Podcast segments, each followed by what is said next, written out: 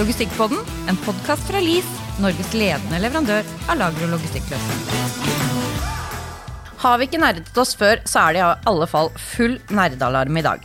I dag skal vi snakke om logistikkbygg, hva du må tenke på hvis du skal bygge, utfordringer i flytte-lagerprosesser, tips og ikke minst brannkrav, sprinkling, vanntåke eller skum, hvilken løsning passer deg, og hva må man ha? Jeps. Og i dag så har vi to gjester i studio. Det er ikke alltid vi har det, men det er veldig hyggelig når vi da har, har to stykker. Og den som eh, Dagens første gjest da, det er Roger Halstensen, som da er eh, 3P-manager i Entex. Og eh, ja, Kanskje du skulle sagt noe om Entex, men jeg, jeg kan jo si det. Det er, det er et, et, svensk logistikkselskap eh, og har store vekstambisjoner. Og i dag så har de eh, lager terminal og kontorer eh, i flere steder i Europa kan vi si. Og 650 ansatte, har jeg hørt. Og um, Roger har jo også da for lenge siden har jo jobba i alt fra hva skal vi si, alt fra Bring og oppover, men også har grunnlagt eh, Qualified Logistics, eh, som senere ble Prime Cargo. Og så har jeg også vært med på å flytte i hvert fall tre ganger store lagerbygg. Eh, så har mye erfaring. Så velkommen til Logistikkpodden, Roger Halstensen. Takk for det. Ja. Og så må jeg jo spørre, da, du som er sånn trepeller. Um, er det mange der ute som ønsker å lagre flaggstenger og snøskuffer og alle disse drømmeproduktene vi ønsker å få lagra? Ja, det er noen av de òg, men det er klart det er ikke drømmekunden for oss. Eh, alle søker jo mot å få eh, den standarden pall, eller den som passer opp i en kartong eller et eller annet, så går det automasjonsanlegg. Men vi, i hvert fall vi i Entex har jo tatt et uh, markedsgrep. Uh, at vi vil gjerne være den leverandøren som tar tak i disse som vi kaller for rufsete gods. Det er sånn som ikke er en standardpall, det som ikke passer inn i en plukkeautomat. Det, det, det, er et stort marked, men det er ikke drømme... Det ikke drømme, drømmekundene som du nei, enkelt setter i system, nei. nei. Også, Du har jo vært med på å, i noen bygge- og flytteprosjekter. Og Er det liksom å bygge et, altså si, et nytt hus at du, du, angrer når du liksom setter i gang, men så blir det som regel bra til slutt? Ja, Det blir i hvert fall alltid bra til slutt. Jeg har bygd en del prosjekter, både privat og nå også vært prosjektleder på to store logistikkbygg på Vestby. Mm. Og det er prosessen i seg sjøl, og er, da angrer du ingenting Du kan begynne å angre litt i akkurat det du skal ta over et bygg og igangsettelse. For det er litt det samme å ta over et stort logistikkbygg som å flytte inn en ny leilighet og hus. Det, det er ikke ferdig da du flytter inn. Det skal boes seg til, det skal, rutiner skal på plass. og det er... Um ja, og Vi kommer jo litt sånn inn på det. Altså det, eh, altså det, bygget dere skal inn i nå, der er vel rundt 20 000 kvadrat som dere flytter, eh, flytter inn i, i Vestby. Mm. Som settes opp i egentlig disse dager. Og, eh, og, så vet jeg at du tidligere har vært med å diskutere egentlig alt fra plassering av stikkontakter og porter og brannvegger og kontorer og isolasjon. og Det er noen vektbelastninger og det er brannbelastninger og det er liksom HMS-krav og hvor skal kaffetrakteren stå. Så det er jo veldig mye eh, som du har vært involvert i og har masse erfaringer fra. Altså, hva har du lært av den prosessen der, da?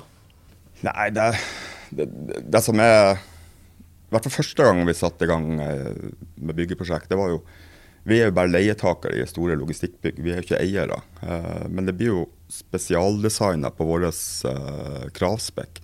Men det, det er hvor mye vi som leietakere må være med å ta en avgjørelse på etter at du på en måte har signa en kontrakt, en leiekontrakt.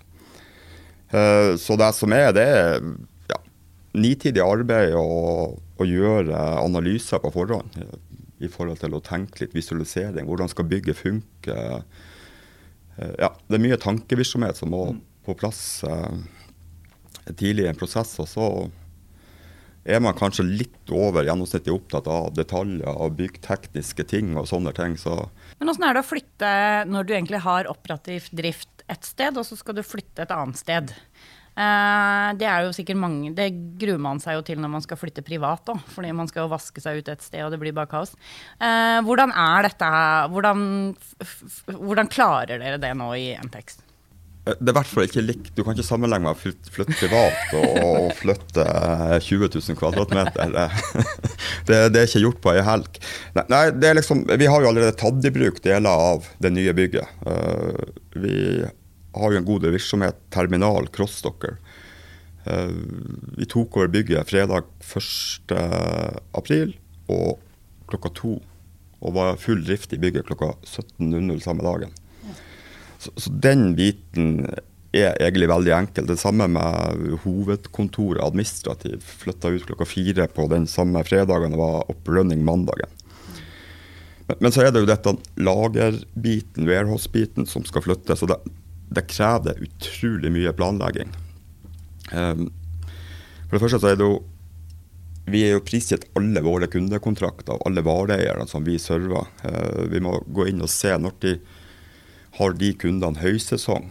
Uh, veldig ugunstig å flytte i høysesong for uh, kundene. kanskje det forlenger flytteprosessen i to måneder. og så er det dette med å få på plass nok mennesker. Du skal ha drift to plasser. Med en gang du flytter over en pall, en vare, et eller annet, så krever det at du har kompetent folk på nye lagre også. Og det gjør litt at du dobler. og Da må du som bedrift tørre å ta på deg kostnadene ganske tidlig og få opplært folk, som du har uh, bra eller kunnskapsrik folk som kan prosessene på begge sider. Uh, og så er det utstyr. Uh, I dagens marked der det er nesten håpløst, og det tar jo 53 uker å få en ny trykk hvis du skal kjøpe den. Uh, du må ha nok, du må doble utstyr, for du må ha på der du skal ut og der du skal inn. Så, så, så, det, er mye planlegging, og, og det, mye, det, blir mye sene dager. Det blir helgejobb. og så er det noe sånn Vi har også vårt styringsverktøy. Det skal liksom bygges opp på den nye plassen. Vi har valgt både sist gang og denne gangen, jeg vet ikke hvor smart det er eller om jeg er veldig tunglært, men vi starter en ny VMS-installasjon. Samme programvaren begge, men vil si at vi tar det ut fra det ene systemet og legger det inn det andre. Og når du er integrert mot kunder, så forsvinner det jo også ut fra kundens økonomisystem. Uh, ja. Så det er utrolig mye feller å gå i. Og, men det, det viktigste som jeg synes, det er at som regel når du bygger et stort bygg, så er det for at du har vekst i firmaet og trenger nye plasser. Og, og da har du som gjerne solgt inn en del new business der ute. Uh, den nye businessen kjenner du egentlig veldig dårlig. Uh, å starte en flytteprosess med en ny kunde inn samtidig, det er ikke smart. Nei, så da bør du vente, da. Ja. ja. Så, men det er jo som regel når man bygger et bygg, så er det jo det man søker etter. Man utvider og, og skriver nye kundekontrakter. Mm. Så vi har også det nå, men erfaring fra sist så har vi flytta all implementering av nye kunder til etter oppstart av eh, eksisterende business. Hvordan tar de ansatte denne flytteprosessen? Eh, veldig, veldig bra. Ja. Eh, vi kommer fra slitne lokaler. Eh, vi har vært veldig veldig tidlig ute på å informere og hvor bla, bra det blir å komme til nye Og så er vi heldige i Entex at flesteparten av de uh, som jobber oss i dag, jobber på den sida av byen. Så vi har bare én person som har sagt opp uh, i denne prosessen. Uh, ja. Men det er også viktig å si at de tar det veldig bra, og vi skryter veldig mye av det. også å fortelle de ansatte at det kommer til å bli et helvete. Mm. det blir ikke bra dag én. Det tar to-tre måneder. Du kan planlegge det i hjel. Mm. Uh, ting blir annerledes underveis. Uh, det er samme trykkene, samme mennesker, samme systemet. Det er helt annerledes å flytte inn. Uh, så du ikke går i den fella at med en gang du setter foten over dørterskelen i nye bygget, så er alle verdens problemer løst. Det er det ikke. Ja, Det er store, store prosjekter. Men uh, i forhold til, um, til, utbyggere og hva skal vi si ja, uh, som, som, på en måte selger disse byggene, og, og dere blir leietagere, da. har de noen egenskaper som er viktige, tenker du? Altså, Er de flinke? Uten å gå inn på navn der, men sånn ja, det, det, er jo flere store aktører der ute, og flere som har spesialisert seg på standard logistikkbygg. Der vi har satt, og egentlig begge prosjektene har vært gjennom, så har vært et viktig uh, I og med at vi ikke skal eie byggene sjøl, det er i hvert fall at vi har en form for garantier. At det samme gårdeier som eier bygget, når vi også om tolv år, når vi går ut av leieavtalen eller fornyer. Liksom, hvem har man forholdt seg til i forhold til garantier og oppfølging av bygget gjennom perioden? Så kan vi aldri få noen garantier for det, men det har vært et punkt på lista vår eh, når vi har valgt ut eh, Er vi sikre på at de vi sitter og skriver kontrakt med dag én, er også de vi sitter og prater med om, om ti år? Eh, så er det litt sånn det å ha en aktør, eller finne en aktør som ser verdier. For det kommer til å bli endringer fra du skrev kontrakten til du får nøkkelen eller nøkkelkortet til bygget. Liksom, ikke bare se på det som en kostnad, men også se på det som en, de endringer, altså en verdiøkning på bygget. Eh, sånn at man kanskje som gårdeier og leietaker deler litt på kostnadene. her.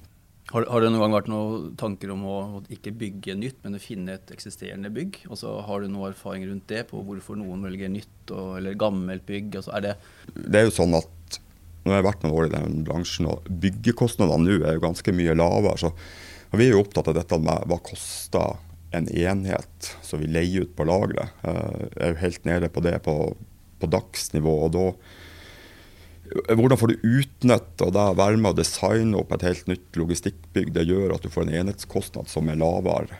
For deg om du kanskje har en høyere kvadratmeter leiepris, så, så, eh, så får du utnytta laget bedre. det, altså, så det har ikke vært aktuelt for oss, men, men nå er det jo sånn i markedet at det er jo ikke logistikkbygg å få leid. Verken gamle eller eh, altså, ja, ja, vanskelig å finne, så, så, finne, bygg, rett og slett. Så du må nesten, I dag tar du vel det man får, uavhengig av hvor funksjonabelt det er eller ikke. Hvis det sitter noen lytter der ute som eh, nå har, ser og prøver å finne en tomt, skal bygge, eh, hva er liksom eh, topp fem råd fra Roger? Åh, oh, topp fem. kan godt ta topp tre, altså. Nei, men hva er noe råd på veien når ja, ja, du tenker det her må du huske på? liksom? for oss så har det vært beliggenhet er det viktigste for oss. og liksom, Hvor får vi vår, vår, type gods inn? og Det er helt naturlig at uh, Vestby ble den uh, plassen som ble valgt. Uh, også beliggenhet i forhold til ansatte. Var aldri undervurder dette med å ha kompetanse med seg videre inn i et nytt bygg. og Hvis vi hadde flytta f.eks. til Oslo nord, type Gardermoen, så, så hadde vi nok mista ganske mange flere ansatte enn den ene vi har gjort nå. Og så hadde vi jo noen eh, prosjekt som ligger på samme side av Oslo som nå. Men infrastrukturen, hvordan skal folk komme seg på jobb, var også en sånn myk, viktig verdi for oss. Eh, det er liksom ok å finne ut hva dette med eiendomsskatt på de forskjellige plassene som du som leietaker får. Noen plasser er det ikke. Eh, men kanskje sjekke kommunalt om den skal innføres om ett eller to år, for det er en betydelig kostnad. Mm. Men nå er det på tide å introdusere vår neste gjest. Vi håper han kan gi svar på mange spørsmål, og ikke minst hjelpe deg som lytter å sikre ditt lagerbygg. Vår neste gjest er daglig leder i Dokumentert AS og Kompetansesenter for brann- og driftspersonell. Ofte omtalt som brannekspert, med over 1 million kvadratmeter erfaring knyttet til sprinkler, dokumentering og brannsikkerhet. Velkommen til Logistikkpodden, Anders Sandmæl. Tusen takk. Veldig hyggelig. Kan ikke du fortelle hva du egentlig driver med? Eh, dokumentert driver med kontroll og vedlikehold av sprinkleranlegg. Eh, og i og for seg litt vannbaserte slukkeanlegg. Så det er liksom kjernevirksomheten der. Eh, og så er det kompetansesenter for brann- og driftspersonell. Jeg er litt fagidiot, eh, så jeg prøver å påvirke både eiendoms- og entreprenørbransjen i forhold til dette med, med brannsikkerhet og det brannforebyggende arbeidet. For det er utrolig viktig. Det er utrolig komplisert. Eh, driver mye kursvirksomhet den veien. Og som jeg pleier å si, er at ingen har det i orden, og ingen vet hva som skal til. Ja. Og da er, faller folk litt til ro, og så kan de skjønne det at ok, vi ligger ikke så dårlig an. Vi kan på en måte snakke litt åpent rundt det. For det er komplisert. Mm. Jo, nå er jo Roger her, da, og jeg har jo et spørsmål som stilles som er liksom, hva slags forhold har ja, sånn som Roger eller altså, CEO og de som på en måte er leietakere. Nå tenker jeg ikke på de som eier bygget, nå tenker jeg på de som går inn og skal leie, typisk her f.eks. Entex. Har de noe forhold til dette med brannsikring? Eh, altså, tenker du? Generelt sett, nå kjenner jeg ikke virksomheten, så jeg skal ikke si noe, jeg skal snakke veldig generelt. Eh, er utgangspunktet det er at eh, folk driver en virksomhet. Og de er opptatt av sin virksomhet og det de driver med. Uh, og jeg har jo noen sånne spørsmål og tanker som kommer etter hvert som Roger prater. ikke sant? At uh, han vil gjerne ha nye kunder. Og han er opptatt av ok, du, hvor mange paller kommer du med. Uh, jeg fra mitt ståsted tenker med en gang hva er det som er på de pallene. Fordi at det er utgangspunktet Det er det som er så komplisert, er at de forskjellige produktene de oppfører seg forskjellig i en brannsituasjon. Og det er utgangspunktet. Det gjør at det sprinkleranlegget du har i taket, det er ikke sikkert det er riktig og har den riktige funksjonen i forhold til nye varer. Og det er komplisert. Og det er For å ta da en kommentar også i forhold til det Roger sier i forhold til hvorfor eksisterende bygg egentlig fort ikke var interessant, er jo nettopp det at teknologien og utviklingen har gjort det at du kan lagre høyere, og du kan på en måte slippe reolsprinkling i mange sammenhenger. Så det er liksom utviklingen har gått den veien. og Det mangler mangelvare i eksisterende bygg. Jeg vil si at Vi tar det absolutt på alvor, dette med brann. Men sånn som vi tenker, så er det viktig for oss å være fleksibel mulig. Så, så, det vi gjør, vi gjør en analyse av dagens kunder, eller, eller dagens gods som vi har inne, på å finne en eh, betraktning på brannbelastninga på det. Mm. Og så blåser vi det opp i forhold til ny skala i et nytt bygg. Eh, store tallslov, er det ti paller av den, så blir det 100 av den typen på. Og så søker vi etter å få eh, kun taksprinkling pga. fleksibiliteten på å flytte bærejernene. Og utover det så er det jo å finne ut de tallene hvor mye da hva er maks minimum da, kan si på brennbare væske eller dekk som vi ikke har lov å lage da. Men, og så må jo vi si nei. Eh, vi kan ikke ta inn bensin på lageret, for det har vi ikke sprinkleranlegg til. Men uh, ja. Det, hvis jeg kan knytte kommentar til det, og det er innmari bra. Eh, det som er den store utfordringen, det er utgangspunktet den utviklingen vi har i samfunnet med at vi har mer og mer plast. Og plast er For sprinkleranlegget så er plast den store utfordringen. Så, så, det er liksom eh, Samfunnet går i en utvikling som gjør at det blir mer og mer utfordrende for sprinkleranlegget. Eh, sånn at eh, de tingene du nevner som er på en måte eh, veldig bra, og som er veldig opplagt, det er ofte ikke der tingene går. ikke sant, er at, For å ta et eksempel, ikke sant, er at i lageret ditt så har ikke du lov til å ha en pall med pallekarmer og pappesker oppi når du har bare taksprinkling. Ikke sant? Det er sånne ting som folk ikke tenker på at vi har så bra sprinkleranlegg i taket. Det er Rolls-Royce. Ja, men det har en del begrensninger som faktisk noen må passe på at vi ikke glemmer. Så, så det er utfordrende. Og poenget er utgangspunktet det at verken gårdeier eller driftspersonell er jo egentlig de som Eh, man skal ha et forhold til det, man skal passe på det. Men det er jo der spring, si, både myndigheter og forsikringsselskapene har jo et krav om at noen sånne som kan noe om sprinkler og brannalarm, skal inn en gang i året og foreta en kontroll for å se om stemmer kart med terrenget. Bruker du bygget i tråd med forutsetningene? Ja, fordi For hvem er det som egentlig har ansvar her? Er det leietaker eller er det gårdeier i et stort logistikkbygg? Hvem har ansvaret for brannsikkerheten? Begge to. Begge to. Men når det gjelder brannsikkerhet, så har myndighetene vært helt klare. er at eh, eier av bygget kan ha gått, Roger kan godt ha i sin leieavtale inngått en avtale med gårdeier at vi skal ivareta dette i praksis. Men gårdeier er ansvarlig for at Roger gjør det han skal, og ting er i orden. Så hvis noe skjer i bygget, til eh, hvilket som helst bygg, enten det er lagerbygg eller hva det er for noe, så vil myndighetene forholde seg kun til eier. Det er eier som skal dokumentere at ting er i orden. Sånn at eh, vi kjenner jo gårdeiere som tidligere hadde i sine leieavtaler at leietager skulle ta, ivareta brannsikkerheten i praksis.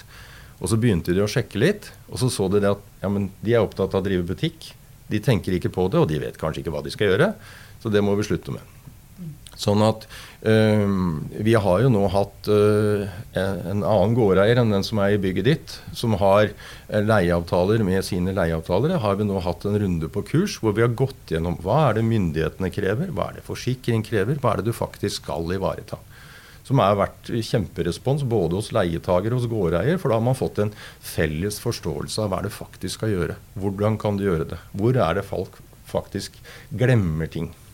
Fordi at det er viktig å huske på det at eh, grunnen til at folk ikke gjør det de skal, er ikke fordi de vil gjøre en dårlig jobb, men de vet bare ikke hva som skal til for å gjøre ting riktig. Og så er det det at i mange sammenhenger så gjør, ting, gjør man bra ting, men man har ikke de nødvendige papirene. Man har ikke dokumentasjonen i orden. Og det er, det er jo det som er så utrolig viktig. Men det, men det, er jo, å tenke på vi, eh, våre kunder har jo Vi har jo veldig mye ulike kunder. altså Driver med dekk, driver med delelager, store logistikkbygg, automasjonsbygg. altså Det er jo et virvar der. Og det, finnes jo så mange gamle bygg fra 70-tallet, nesten fra 60-tallet. Og jeg tenker det er jo, Så det er veldig komplisert, som du sier. Eh, at man kommer inn, eh, man leier et bygg, og så er det en gårdeier, han har jo ikke tegning på bygget engang. Han vet jo egentlig ingenting. Det er en ikke sant? Og når man kommer inn der, eh, og, og, så tror man alt er i god tro, og så får man kanskje en kontroll, og så viser det seg at det her koster jo 5 millioner kroner for å oppgradert anlegget for å godta dette her. Eh, har leietaker noen krav for eksempel, i forhold til det mot den som har leid ut bygget? Og, altså, hva gjør man i sånn praksis egentlig? når det for, for, for, å ta den andre du spurte om det var både eier og leietaker har et ansvar. Eh, Leietager har et ansvar i forhold til å bruke brygget i tråd med forutsetningene. Utfordringen i denne kommunikasjonen er at eier har ikke nødvendigvis god nok informasjon om hva er riktig bruk. Eh, sånn at leietager får ikke den beskjeden, sånn at de kan passe på det. Og du kan si at Inne i sprinklerverden så kan man snakke om fareklasser og man kan snakke om lagringsmåter. og man, Du kan like gjerne snakke av gresk, for det er ingen på et lagerby. Ikke noe vondt snakk om de. Men, og det liksom, eller du kan jobbe på kontoret og du kan være sjef for den saks skyld. Ingen skjønner hva betyr dette for oss i praksis. Og det er bare å ta en kommentar, fordi at Nå snakker vi liksom om disse byggene med, med store takhøyder og alt sammen. Et veldig godt eksempel er jo det at eh, man har et lite lager, og så har man utgangspunktet hatt kompakt lagring. Eh, tre meter takhøyde, og det har vært helt greit i forhold til sprinkleranlegget som er i taket. Men så finner noen ut på lageret at det, det, gir oss en mye bedre fleksibilitet hvis vi setter inn noen reoler. Da blir jo dere kjempefornøyd, for dere selger noen reoler. Jeg kan komme tilbake til det etterpå. Men eh, det endrer forutsetningene fullstendig for sprinkleranlegget når de samme varene puttes inn i en reol, i prinsippet lagres i samme høyde, fordi at du får en helt annen brann. Men det jeg syns er litt vanskelig, og klart, det, kanskje et, det kan være et enkelt tilfelle, og det er sånn, der er tre meter takhøyde, sånn og sånn og sånn, men mitt inntrykk er at eh, når man kommer i, i, i, bygg, så er det sånn at eh, noen kan godkjenne det. Noen sier at dette er godkjent det er, eh, gjennom en brannsinspeksjon, mens andre sier det er ikke godkjent. Det blir litt sånn og det tror jeg er veldig vanskelig for mange. Og jeg oppfatter at eh, liksom, Snakk med den personen. Så noen er veldig, for å si sånn, noen er veldig firkanta, mens andre er litt mer bruker sunn fornuft. Ja. Og eksempel på det er jo at man sier at eh, her, den veggen den må du faktisk flytte 30 cm pga. at brannkrava sier at pga. sånn og sånn og sånn, så må den flyttes. Ja. Og så skjønner alle at det har ingen hensikt å flytte den veggen, fordi at det har egentlig ikke en betydning. Eh, og da tenker jeg liksom, Hvordan fungerer, hvordan fungerer den verden? Ja, da er det jo liksom brannslukningsanlegg som er mitt fagfelt, så jeg skal ikke si så innmari mye om den brannveggen. Den tror jeg vel egentlig står i riktig sted, men jeg skal komme litt inn på det. Eh, for å ta det veldig enkelt og greit, er at du kan ha besøk av forsikringsselskapet ditt. Du kan ha besøk av brannvesenet. De sier ingenting om noen ting. Du tenker i utgangspunktet yes, tommel opp, vi har ting i orden. Glem det. Eier er ansvarlig for å dokumentere at ting er i orden. Alt vil fungere sånn som det skal. Så du, du kan si at eier har ikke noe uh, Du kan få råd og de tingene der uh, for å finne ut hva du skal gjøre. Uh, for å svare på spørsmålet i den Det er jo funksjoner som er viktig. Er, ting skal ha en riktig funksjon. Og det, det, er jo det som er så utrolig viktig, er jo det at eh, hva skal gjøre hva? Jeg vet ikke om jeg helt svarer på spørsmålet ditt, men det er eh, Eieren skal jo ha et ansvar.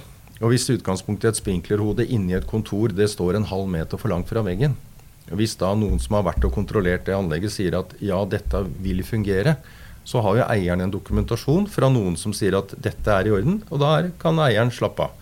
For han, Det er liksom fagkompetansen som skal vurdere de forskjellige tingene. Det er et viktig prinsipp. For det er, Da ivaretar man leietager, man ivaretar eier, og da er, på en måte, da er det noen som har et kompetanse som, som har et ansvar. Men jeg tror det er Børge, for vi har opplevd det samme. Det du er egentlig ute etter, er at du kan få to forskjellige svar fra to forskjellige brannrådgivere. Riktig. Det er, eh, du kan få, det er så mange som gir forskjellige Og, du kan si det at uh, i noe, Nå tror jeg det har blitt bedre i forhold til hva det var før.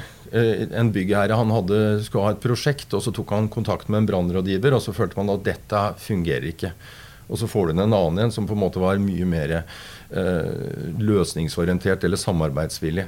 Jeg skal ikke mene noe om det, men det er utgangspunktet. Myndighetene har jo et krav i forhold til et nytt bygg.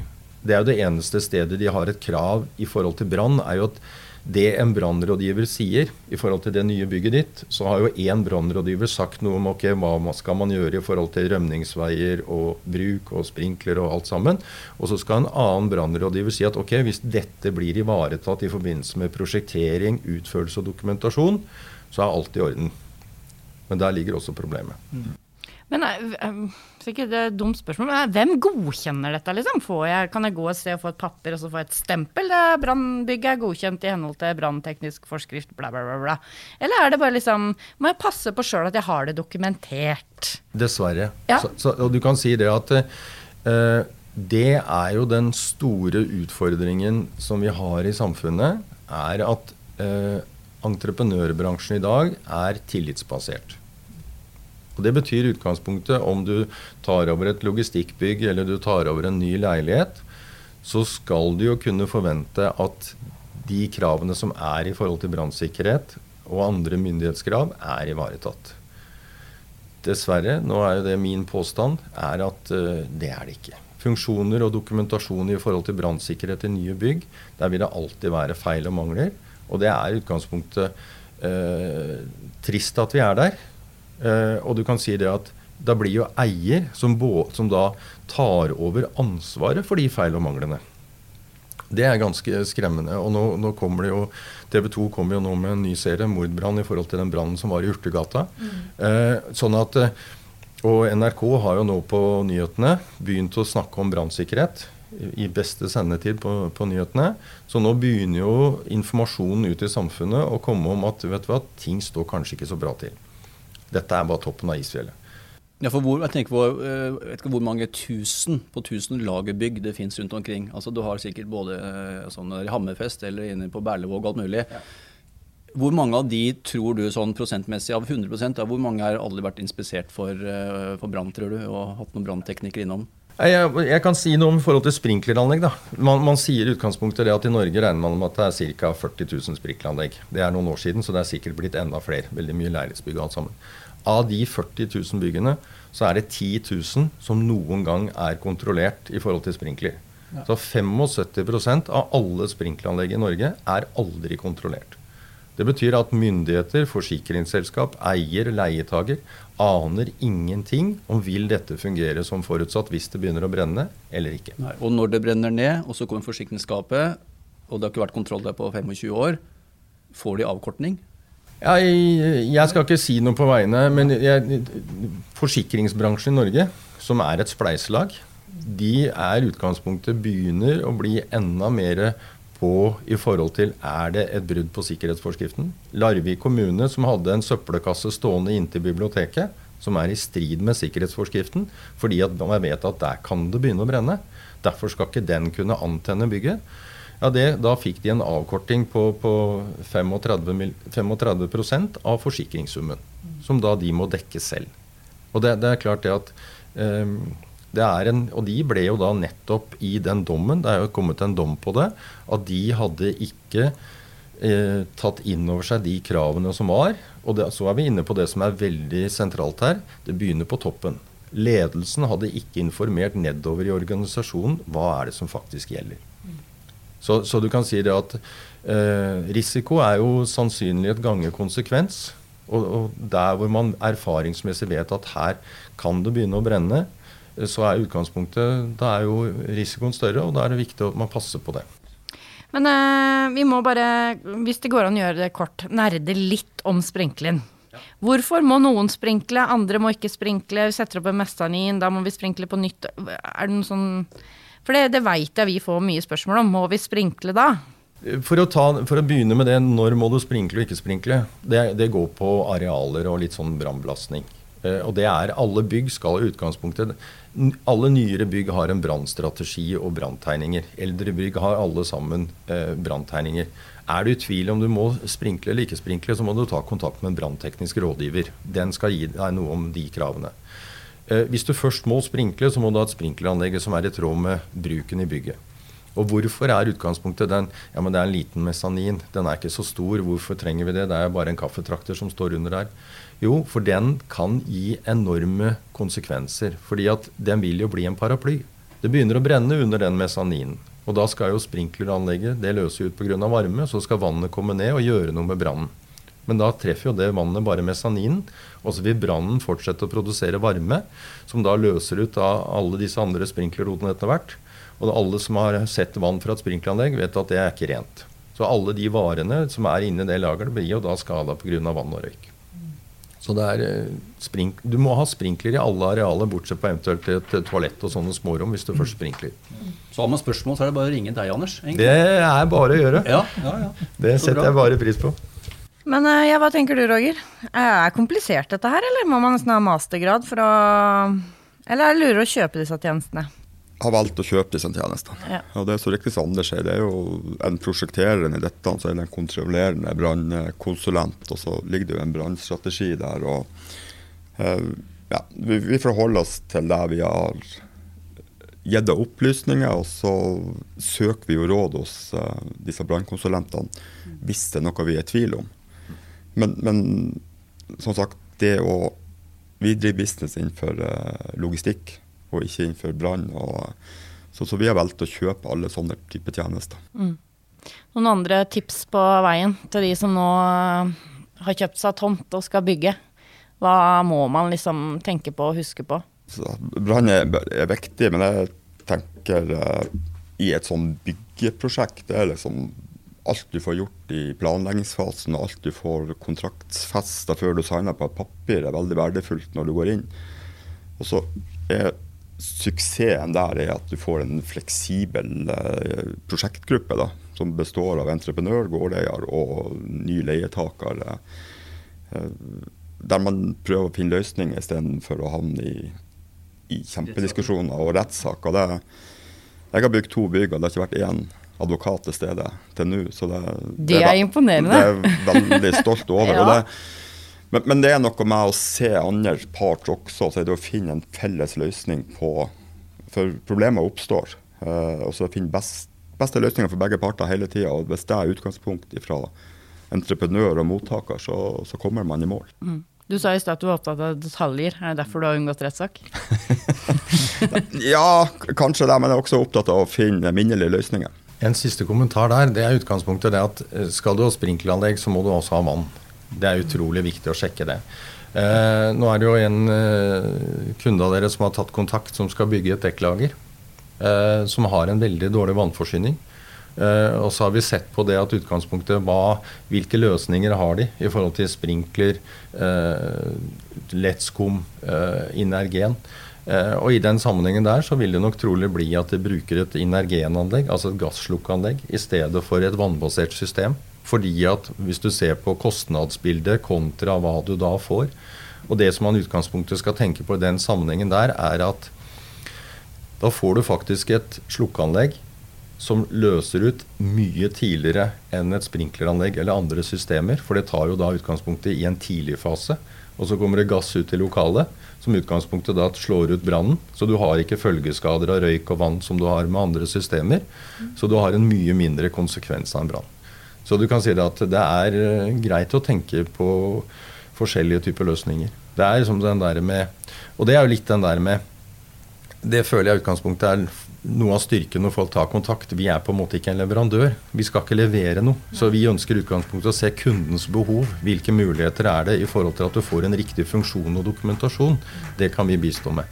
Ikke, og Da betyr det i utgangspunktet at uh, da kan vi komme med forskjellige alternativer og fordeler og ulemper. Godt poeng. Strålende. Ja, nå har vi snakka mye og langt. Vi kunne sikkert stått som regel og som alltid mye lengre, men vi må dessverre slutte av. Kommer du til å bygge igjen, Roger? Ja. Tusen takk for at dere ble med i Logistikkpodden. Veldig hyggelig å være med.